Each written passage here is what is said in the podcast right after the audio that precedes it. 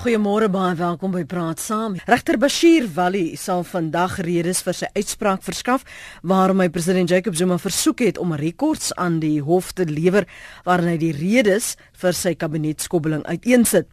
Sy uitspraak het gekom na 'n dringende aansoek deur die DA. Die ANC het vroeër gesê die hofbevel skep 'n gevaarlike presedent en dat dit die verdeling van mag tussen die reg, die uitvoerende en wetgewende gesag van die regering ignoreer. So kom die verdeling van mag tussen die reg, die uitvoerende en wetgewende gesag in gedrang. Uh, moet die regsbank 'n politieke uitsprake maak. Ons gaan se vanoggend die politieke ontlede verbonde aan Noordwes Universiteit se Potchefstroom kampus, professor Andre Dievenage. Goeiemôre professor. Môre Lenet. En ons gesels ook met advokaat Paul Hofman, direkteur by Accountability Now. Môre advokaat. Goeiemôre Lenet. Goeiemôre aan die luisteraars en aan die aan die gas daarbo. Kom ons praat gou eers met jou uh Paul. President Zuma het onlangs gesê politieke besluite moet nie in 'n hof aangehoor word nie. Nou hoor ons ook die kritiek en die bekommernis wat die ANC sê hulle het oor die president wat uh, geskep kan word as ons die mag van uh byvoorbeeld die president of dan nou die wetgewende gesag ignoreer. Deel jy daar die bekommernisse? Nee, ek dink die die president moet eintlik die die, die sag van die grondwetlike hof 'n bietjie noukeurig lees en mooi verstaan. Ek kan nou aanhaal, ek weet dit is 'n bietjie moeilik om te doen in op op op die uh, op die radio, maar ek kan dit doen omdat dit want dit is by die kern van hierdie vraag kan die die woorde inmeng in die uh, die werk van die politici. Die uitspraak van regte van die Westhuizen en die saak van die Helen Suzman Foundation en Bob Minister wat gaan net oor die volke om om eintlik uh, met uh, korrupsie uh, uh, die korrupsie uh, op te tree. Hier is die woorde wat die, die regte gebruik het. Kern, uh, ons ons saak van Ja. Ekskuus jammer om jou ont nou onderbreek. Ehm um, wil jy nie net so 'n bietjie ek, ek neem aan jy's op 'n selfoon nê? Nee? Nee, ek is nie, ek is, is op die landlyn. Daar die landlyn nie so mooi. Die gehalte is baie die kwaliteit lyn soos die luisteraars vir my uh, reg help. Ja, is nie baie goed. Ek ek ek, ek, ek gaan 'n bietjie rond beweeg want dit is 'n bietjie ver van die van die stasie van hierdie ding. Daar sê is hy nou beter? Hy baie beter, dankie. Jy het gesê jy jy, jy ja, begin op aanhaal. Ja, ek wil nou aanhaal ja. want dit is dit is eintlik die kern van van, van die saak. Die regter sê in sy uitspraak en hy praat nou van die grondwetlike hof se taak. This court is inevitably and frequently asked to make decisions that have political implications. Constitutional adjudication is necessarily political because it is guided by the values and principles in the Constitution which have to be interpreted and applied within a specific socio-political reality. In a way, law, or at least constitutional law, is often political when this court is called upon to rule on the constitutional validity of the conduct of political parties or their members, including the ruling party, constitutional law indeed impacts on day-to-day political life, that this court and others often have to deal with the political does not mean that, that they should engage in endorsing or condemning any particular party or faction within a party or further a party's political agenda. Mm. The court may not play politics or get involved in party political battles. As far as possible, it must base its decisions regarding material placed before it on the Constitution and the law, allowing the evidence in this case would not amount to becoming involved in uh, partisan politics. So eintlik wat hy daar sê is ons is nie meer uh, uh, uh, uh, in 'n situasie soos in in die ou dae waar uh, die die parlement soewerein was. Ons is in 'n situasie waar ons die oppergesag van die die grondwet self moet respekteer. So elk een van die politici en die partye en die regering en die openbare administrasie mm. almal van hulle moet binne die lyne van die grondwet verf en as hulle buitekant die lyne verf mm. dan is dit die taak van die howe mm. om daarmee uh, betrokke te raak en toe te sien dat daar eintlik ehm um, heeltemal binne die lyne geverf word in in enige handeling en in in enige hmm. nuwe wetgewing. Dat daar moet 'n oppergesag wees waaraan almal onderhewig is. Dit dit is dit was deel van die een van die grootste verskille tussen die ou Suid-Afrika en die nuwe Suid-Afrika. Ons ehm um, respekteer die oppergesag van die wet en ons sê this constitution is our supreme law.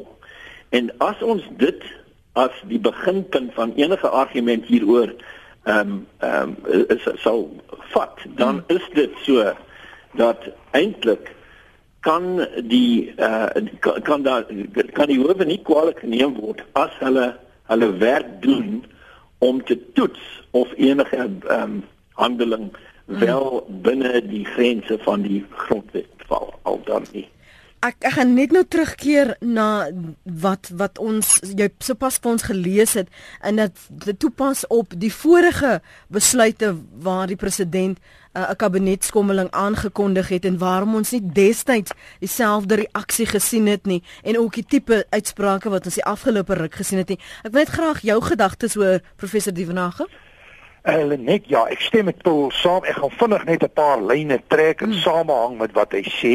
Ons praat hier van die Suid-Afrikaanse staat as 'n regstaat. Nou 'n regstaat het 'n klompie eienskappe soos byvoorbeeld samelewingsinstellings geniet 'n groot klomp autonomie. Ons dink aan grondwetlike regering, die hele kwessie van die skeiding van staatsmagte onderskeidelik uitvoerend, regsprekend, wetgewend, die hele gedagte van die oppergesag van die reg en die erkenning van burgerregte en vryhede. En hierdie goed is als ingeskrywe in die grondwet. En die groot vraag is wie moet toesig hou dat hierdie goed regmatig toegepas word? En dan werk dit terug na die uh, geregshowe en ons dink spesifiek aan die grondwetlike hof as die hoogste wet uh, regsprekende gesagsinstellings in Suid-Afrika. Nou jou vraag raak 'n ander terrein aan en dit is die vraag is hier 'n vorm van politieke inmenging? En nou wil ek dit min of meer so beantwoord en sê politiek gaan in essensie oor die gesaghebende toewysing van waardes en skaarsmiddels. Daarom gaan die regbank noodwendig waardes soos vervat in die grondwet moet toepas en sien dat optrede in lyn is met die grondwet en grondwetlike waardes. Wat ons die laaste tyd in Suid-Afrika baie sterk waarneem, is dat die uitvoerende gesag eintlik hulle magsbasis oorspeel. En mens dink byvoorbeeld hier aan inmenging in die sogenaamde artikel 9 organisasies. Ons dink mm. aan die uitdagings ten opsigte van uh, byvoorbeeld die vervolgingsgesag. Mens dink aan 'n klomp omstrede hofsaake waaronder die Sassa saak. So ja, die grondwet hof en ander regsinstellings maak politieke besluite op 'n manier, maar dit moet belyn wees met grondwetlike waardes, grondwetlike reëls en norme en dit is geweldig belangrik. Die probleem ontstaan wat my betref wanneer daar geargumenteer word dat een van die howe 'n bepaalde partytetiese agenda bevorder, dan raak dit problematies en dit is van die aantuigings wat ons deesdae hoor en dit laat groot vrae ontstaan oor die hele kwessie van die regstaat, die konsolidasie van Suid-Afrika se demokrasie en die pad vorentoe in hierdie moeilike tye. So wat maak jy dan advokaat Hofman van wat die ANC uh, gesê het na die uitspraak en ek haal aan The appointment of ministers and deputies, as well as reshuffling of cabinet, is a discretionary and political decision of the president, derived from the constitution.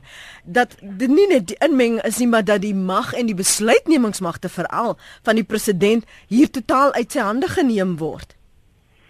Nee, dit word nie uit sy hande geneem nie. Wat wat kyk, hierdie hersieningssaak wat wat deur die uh, die DA ehm um, hof toe geneem is is 'n saak om vas te stel of die president die rasionaliteitsbehoefte van die wet eintlik ehm um, reg gekry het al dan nie. So ek vroeg gevra hoekom is dit is, is dit nie in die verlede ehm ja. um, um, um, opgeneem nie. En ons ons kan redelike wys kan 'n mens sê Ek sou verkies dat Pravin Gordhan ons eh, minister van finansies is en nie Malusi Gagaba. En dit is 'n kwessie van is dit 'n redelike besluit al dan nie. Nou 'n redelike besluit kan geneem word in in eh, eh, 'n verskeidenheid maniere. Maar rationaliteit is die uh die die, die laagste van van die ehm um, behoeftes van van die van die wet en as daar irrasioneel opgetree word dan is daar 'n bietjie verwery buite die lyne van die grondwet. So eintlik is dit 'n kwessie in hierdie saak het die president rasionaal opgetree deur om uh Godaan te vervang met Gigaba en daardie kwessie is 'n kwessie wat voor die howe kan dien omdat die die posisie in in ons regstaat is dat alles gedoen moet word binne die die die die perke en die waardesisteem die beginsels van die grondwet. Dit is dit is die verskil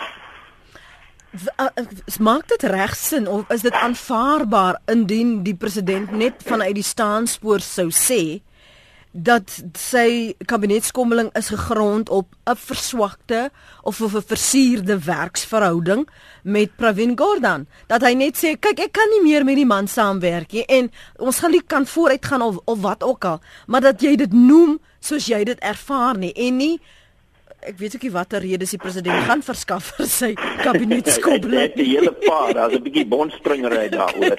en Miskien kan ons daaroor praat. Waarskynlik as as die president kan bewys dat daar eintlik 'n 'n verbrokkeling van sy uh, verwantskap met uh Pravin Gordhan was en hulle is nie op dieselfde bladsy meer nie en Pravin Gordhan wil nie geld uitgee op kern uh, uh kragstasies en uh, wil nie SAA uh, uit uit die moeilikheid uithelp nie en en en, en dit kan nie so voortgaan nie. En as dit uh uh, uh legit nou never get this word into Afrikaans legitimate legit uh, legitimiteit. Ja.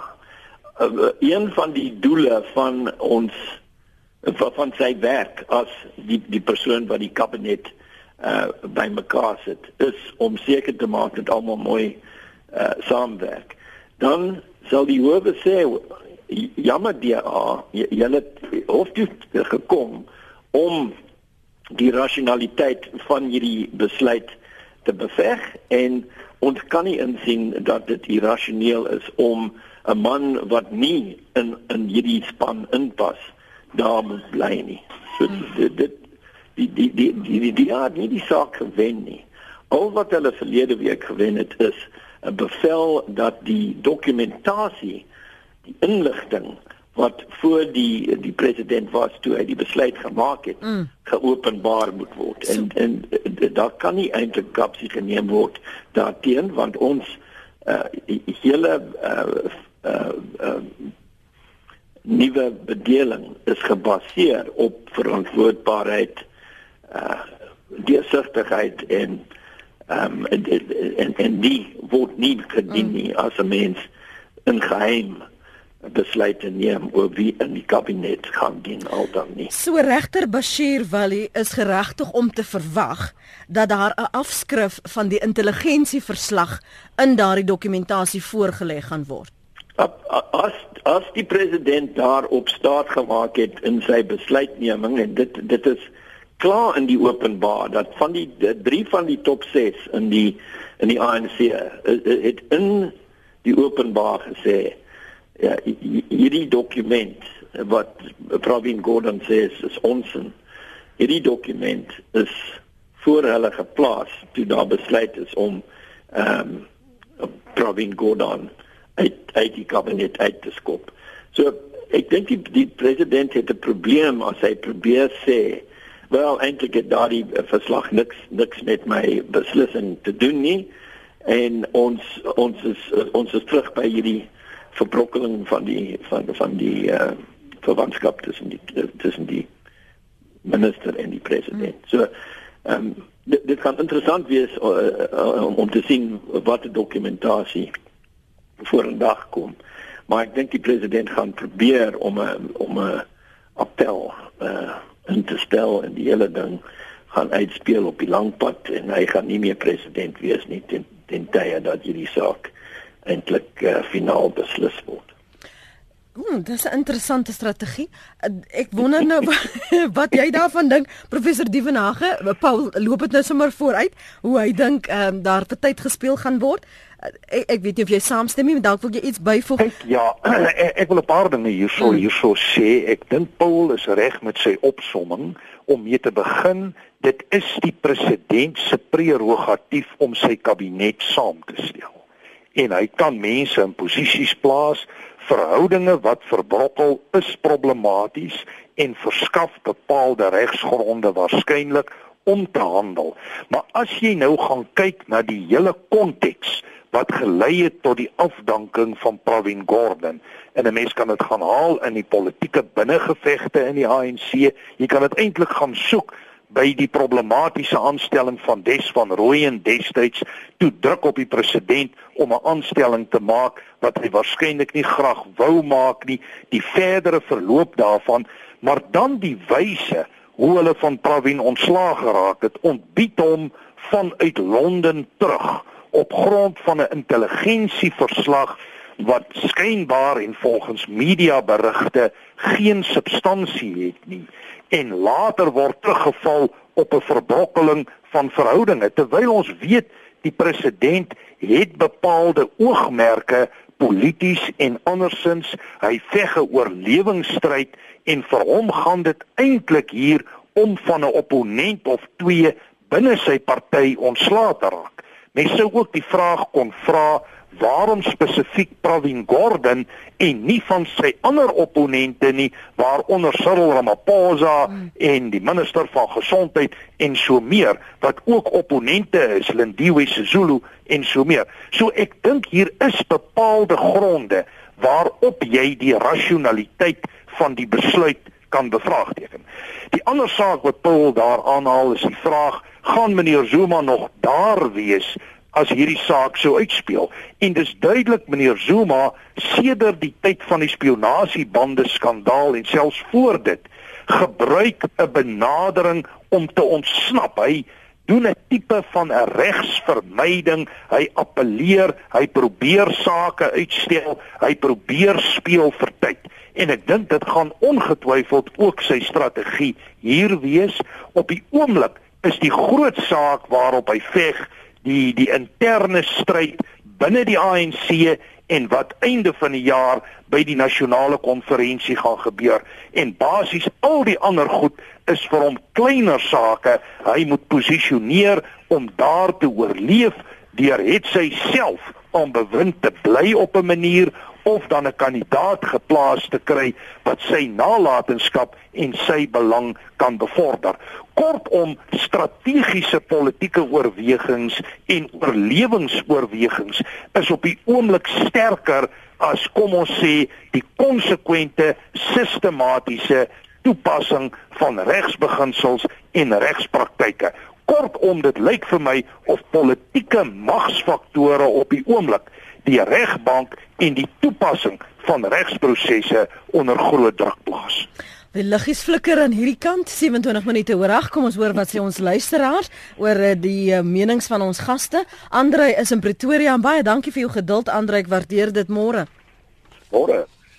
Ja, ek wil net uh, byvoeg ek dink wat mens ook kan uh, byvoeg uh, na aanleiding van die kwessie van rationaliteit is op die president uh, versaklike aspekte en oorwegings in aanmerking geneem toe hy die besluit geneem het.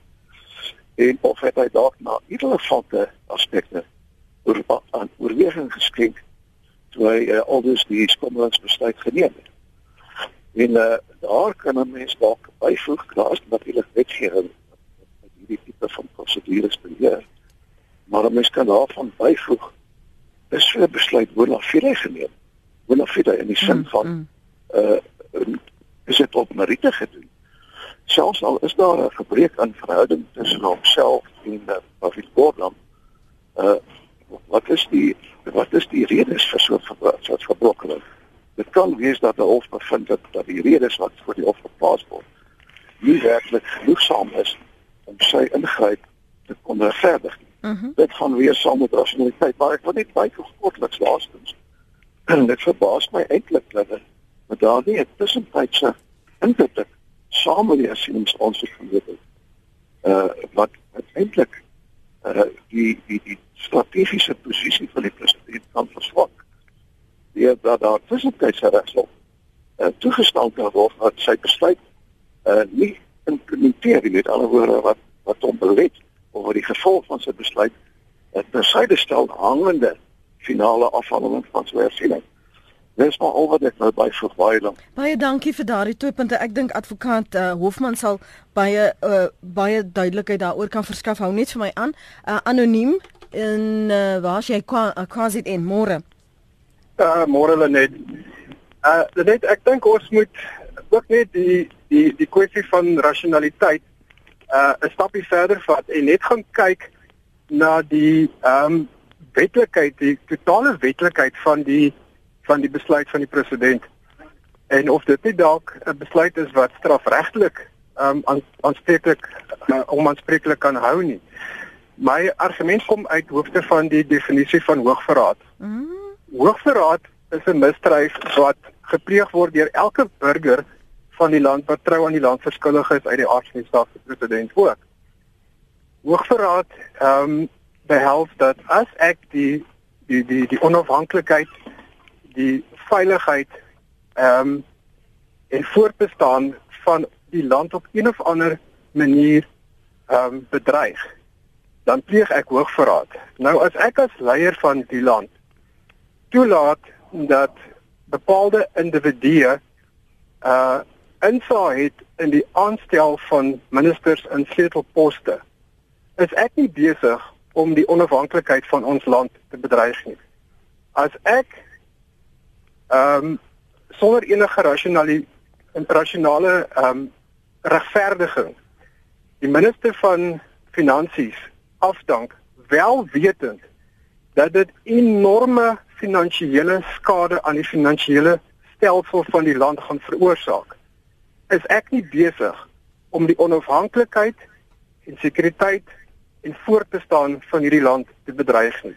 As ek dit doen, wetende dat dit gaan gebeur, dan is ek besig om hoogverraad te pleeg. Dankie anoniem. Is dit regsgronde vir 'n saak van myn eet van van hoogverraad? Uh uh, uh Paul Ja nee, ek dink 'n mens sal miskien sukkel om om die nodige mensrya, die uh welwetende uh deel van daardie te bewys en ons ons het ook uh die probleem dat die nasionale vervolgingsgesag klaar gekaap is deur uh, president Zuma en so ons sal nie uh um um enigstens um iemand kry om om om daardie saak hof toe te neem.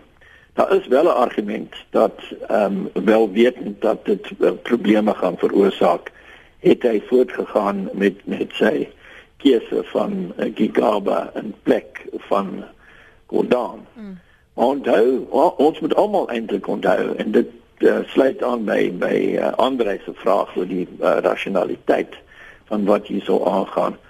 Uh, die die president se eerste keuse was om Brian Molefe, die die, die vorige um, hoof van Eskom, aan te stel as sy nuwe minister van finansies. Hy hy is in die parlement ingebring om amper met 'n valsterm en ehm um, as hy sy sin sou gekry het as as die president mm. sy sin sou gekry het sou hy wel van Levi aangestel het maar ek dink hy het advies ingewin uh wat staat maak op wat met uh um Caligula in in in Rome gebeur het toe hy sy perd die konsul gemaak het en dit is natuurlik rasioneel en daar is 'n sterke argument dat dit irrasioneel sou wees om 'n man wat onder 'n donker wolk bedank het uit Eskom jou minister van van finansies te maak as om 'n uh, bestaande minister soos Malusi Gigaba die minister van finansies te maak. So ek dink hy het hy het, hy het besluit om nie Molefe aan te stel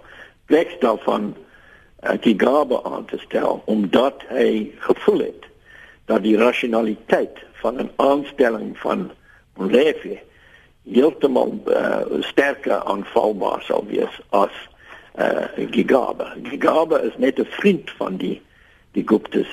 Hy is nie 'n Shabin uh um, besoeker nie. Ek wil gou teruggaan na wat Andre gevra het.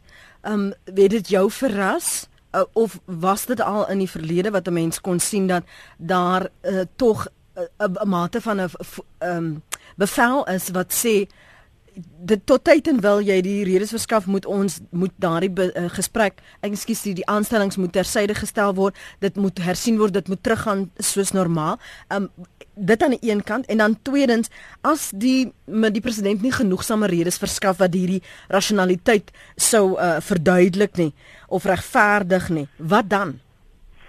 Ja, ek ek dink daar is daar is wel prosedures wat 'n uh, tussentydse bevel sou toelaat, maar ek dink die uh, die DA het seker advies ingewin en uh, hulle het besluit dat hulle sal sukkel om ehm um, uh, die hof te oortuig mm. om Gordon in plek te hou tot tyd en wyl sy vervanging uh, finaal beslis is.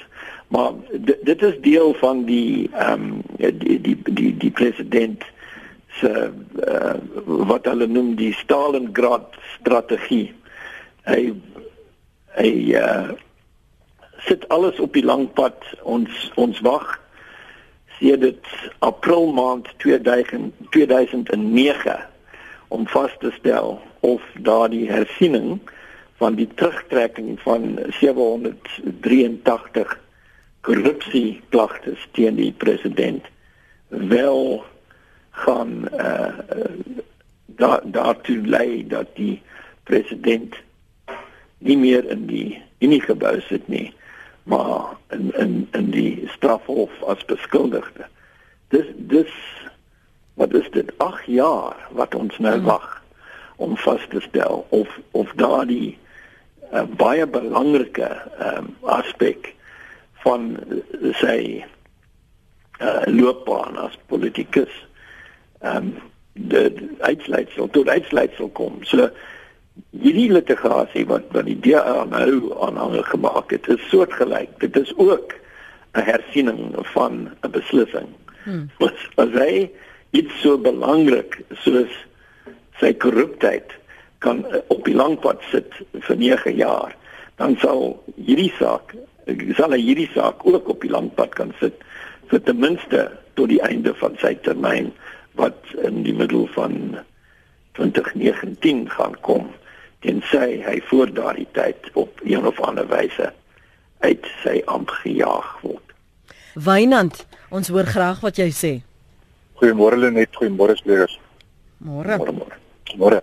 Ehm um, net ek wil graag aansluit by die by die hele kwessie van politieke inmenging in die regsproses in die land. Ehm um, wat wat ek dink die oorspronklike onderwerp was, ek het net 'n bietjie later op die program gekom, maar dit klink my dis waar ons gesels en en ek het eintlik net twee vrae wat ek graag wil stel. Die, die eerste gaan en ek net dink beide gaan seker maar oor die mag van die konstitusionele hof sou daar risiko op die land kom.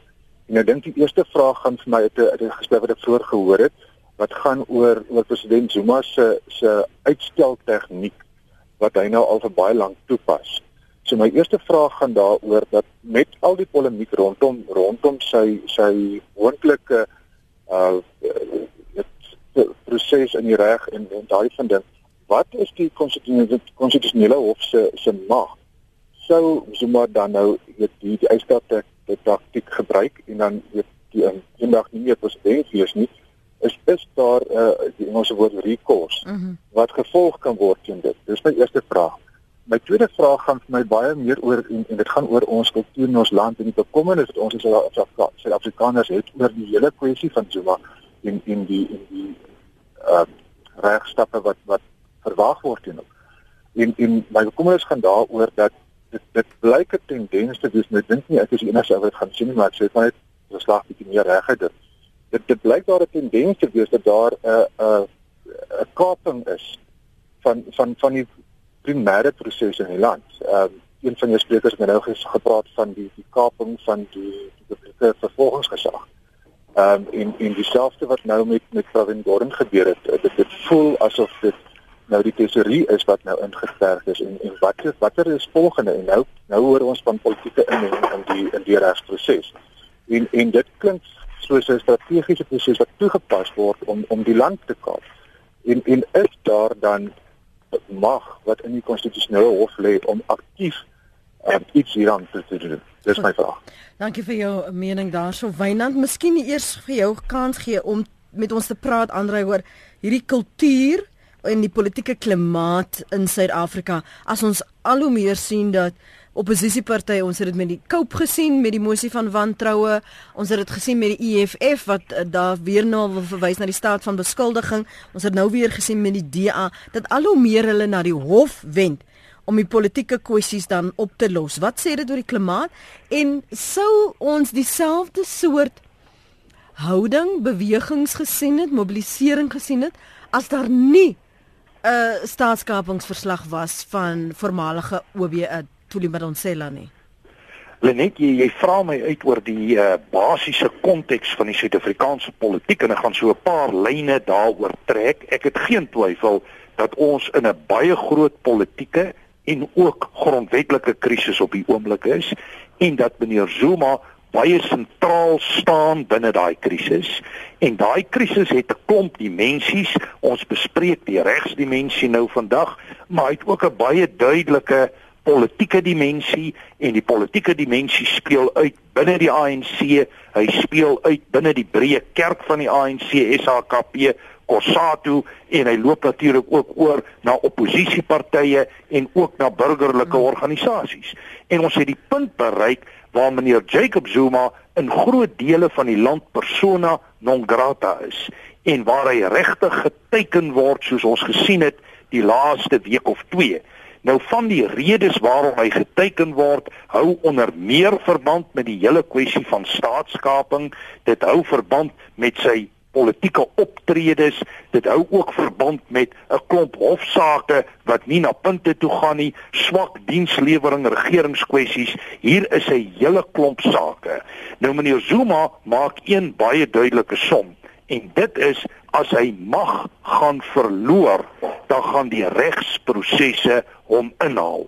En op die oomblik is sy strategie baie duidelik 'n vorm van regsvermyding. In sekere opsigte sou 'n mens ook kon praat van regsverydeling en die vraag oor die grondwetlike hof het hy die mag en die magsbasis om dit te hanteer dan is die antwoord ja maar daar's 'n ander probleem. Die uitvoerende gesag spesifiek dan ook die wetgewende gesag in terme van die ANC beskerm op hierdie stadium die president en hulle laat eintlik nie toe dat bepaalde regsbesluite die president affekteer nie. Paul het vroeër verwys na die spionasiebande saak, die 783 korrupsiesake, klagtes en ek is van mening dat indien daai sake deur 'n regbank aangehoor gewees het, destyds sou president Zuma waarskynlik nooit president geword het So sy posisie is baie moeilik. Hy veg vir sy oorlewing. Die gewone strydlyn op die oomblik of die hoofstrydlyn is op die oomblik binne die ANC en daai geveg en die uitspeel daarvan sien ons. En wat interessant is, soos die krisis eskaleer en toeneem, begin die regbank 'n groter rol en ook 'n sterker politieke rol te speel. Want ons moet eerlik sê, op die oomblik is hier bitter min politieke leierskap in Suid-Afrika wat uitgaan van president Zuma en sy kabinet. Hulle is eintlik 'n groepering in krisis en dit dwing ander instellings om besluite te neem. So ek dink 'n mens kan nie die regskonteks loslees van die politieke konteks nie en die politieke konteks op die oomblik is wat my betref die konteks wat eintlik op 'n manier die regsomgewing definieer en bepaal terwyl dit eintlik in 'n regstaat andersom behoort te wees. So nou wil ek teruggaan na wat uh, Wynand gevra het. Sê nou byvoorbeeld um hierdie is uitstel teg uh, taktik wat wat jy genoem het Paul en dit kom sodat die president is is nie meer die president van die ANC nie, meer die president van die land nie. Watter remedie, watter terugkeer opsies is daar wat ingestel kan word? Kan byvoorbeeld uh, daar 'n tipe van vervolging kom al is dit na die feite openbaar is? O ja, nee, die vervolging is is die is die ding wat uh, president Zuma saans wakker en uh, dit dit is die die feit dat hy nie meer president is nie beteken nie dat hy ehm um, um, uh, nie onder die uh, die die werke van die die uh, wet moet werk nie.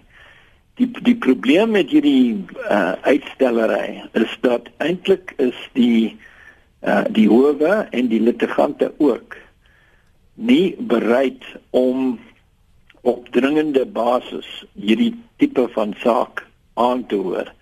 Daar is wel ehm um, ehm um, prosedures in die howe om aansoek te doen om 'n saak as 'n saak van dringendheid te laat aanhoor. En hierdie ehm um, sake van openbare belang soos die sewe uh 100 uh, korrupsie so ehm um, klagtes teen president Zuma in in in in 'n 'n land waar die uh hoewe behoorlik werk is is is dit eintlik nie 'n goeie idee om daardie tipe van saak 9 jaar ehm um, hangend te hou.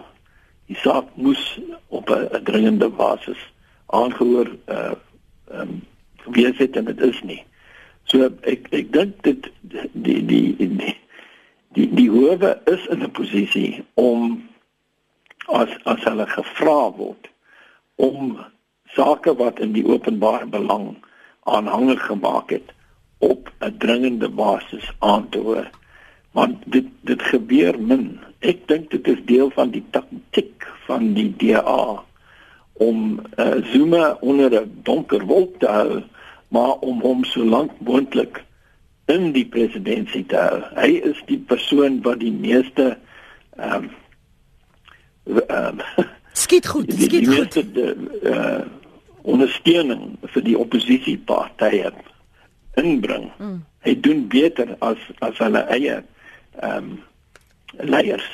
En so uh, hulle is in in 'n in 'n posisie waar wat volgens wet gebeur moet uh, moet gebeur dringend moet moet moet plaasvind maar maar wat polities gesproke moet uh, probeer uh, moet, moet moet gebeur moet hulle probeer laat uitstel so lank moontlik om om die um, voordele van 'n lang en droewige uh, presidentskap van Zuma ehm um, uh, baat baat te, te kry. Dit dit is die dit is 'n uh, die die die botsing van die politiek en uh, die regsgesag.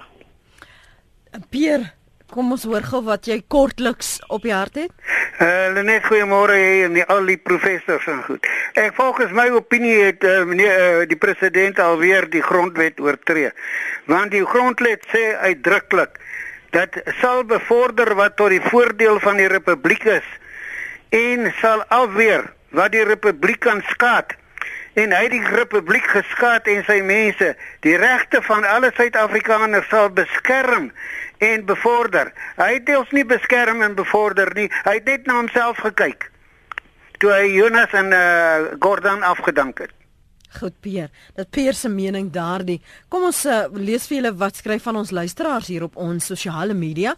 Uh, Nick Rautenbach sê, aangesien die verskoning van 'n president dit goed dink om parlementslede links en regs tussen verkiesings te vervang soos dit hom pas, waarom gee dit dan nie 'n mandaat vir die kiesers en parlementslede wie hom in eerste plek daar geplaas het om hom ook te vervang nie.